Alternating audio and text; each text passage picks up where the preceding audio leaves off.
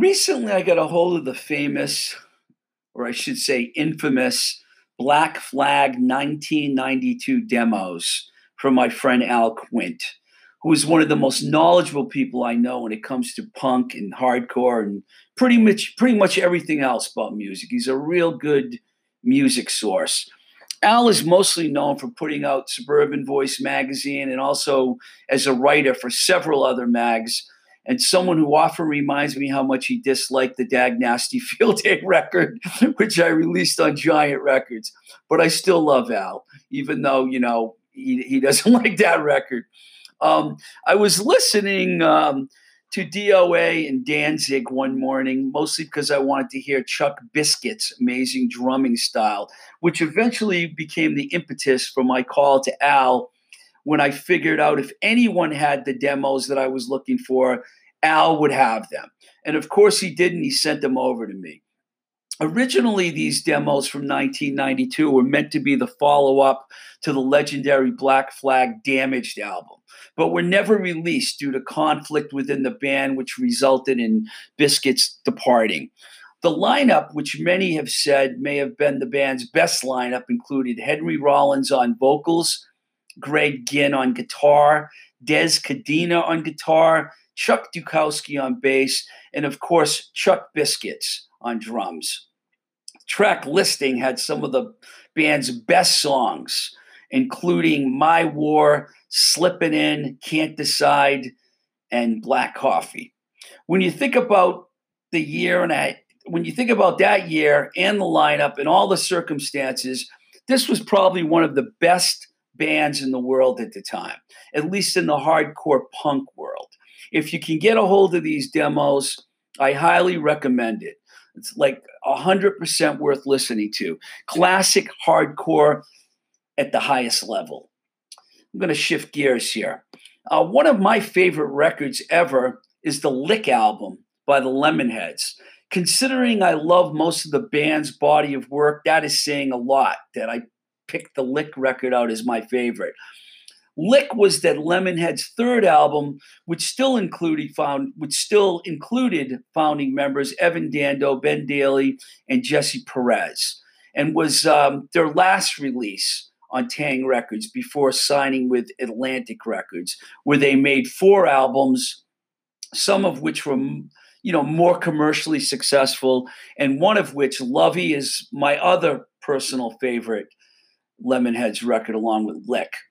Lick is a masterpiece from start to finish, even though it's more of a collection of songs rather than an album that was made by the whole band at the same time. It's a collection, but it's a great collection. Although the majority of the songs were written by Dando, Deily contributed three stellar tracks Seven Powers, Anyway, and The Explosive Ever. The record also includes fantastic covers of the Suzanne Vega classic Luka and Patsy Cline's Strange, which I believe was uh, written by Mel Tillis. Forgive me if I'm wrong on that. Pretty sure he wrote it. Unfortunately, Dando and Deily had a huge falling out, and Deily left the band during the recordings.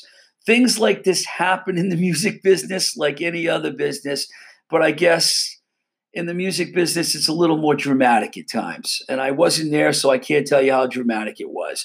But for those two to split up, it must have been bad.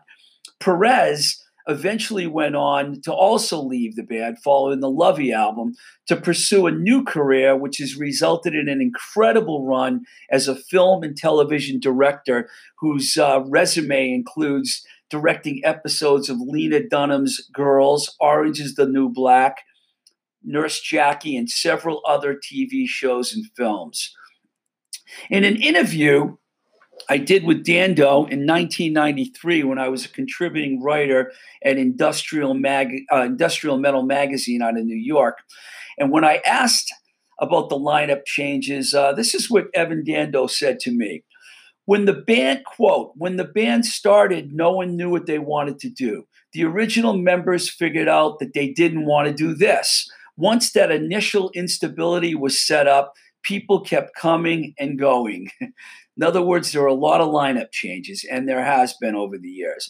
Dando has continued on as the only original member of the Lemonheads, and you can't knock the impressive career he has had, to say the least. Incidentally, we have spoken to Ben Deily, who has agreed to be a future guest on the Blowing Smoke with Twisted Rico podcast, which, needless to say, we are very, very excited about. Um, we're going to talk about his time in the Lemonheads and how he went on to pen the classic song Billy Ruane about our old friend, RIP, and legendary Boston rock scenester. It's going to be a lot of fun. I'm looking forward to talking to Ben. Okay, I want to thank our sponsor, JLS Design. They do custom screen printing and embroidery. It's a great place for bands to get all their t-shirts, hats, hoodies, etc. And check this out. You can even get masks from them now. How fitting goes in with our new society.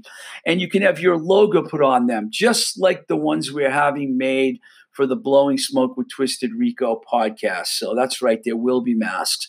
You can reach JLS at jlsdesignprinting.com or by email at jlsdesignsales at gmail.com. If you contact JLS and tell them we sent you, you will get a 10% discount. Just mention Blowing Smoke with Twisted Rico. Okay, then that's going to do it for this time. My email address is twistedrico at gmail.com. You can find me on Instagram at Twisted Rico. And we also set up a new page on Facebook, which is just called the Blowing Smoke with Twisted Rico podcast, where you can find exclusive photos and other cool stuff. And we also have a YouTube page. If you have any questions or comments or anything you'd like us to talk about, once again, the email address is twistedrico at gmail.com. Uh, you can also check out our Patreon page, which is a great way to support this podcast, where you can start supporting the podcast for as little as $1 a month. This is Blowing Smoke with Twisted Rico. I'm your host, Steve Ricardo. And until the next time we say goodbye, we love you, Busy Phillips, and let's keep the rock and roll alive.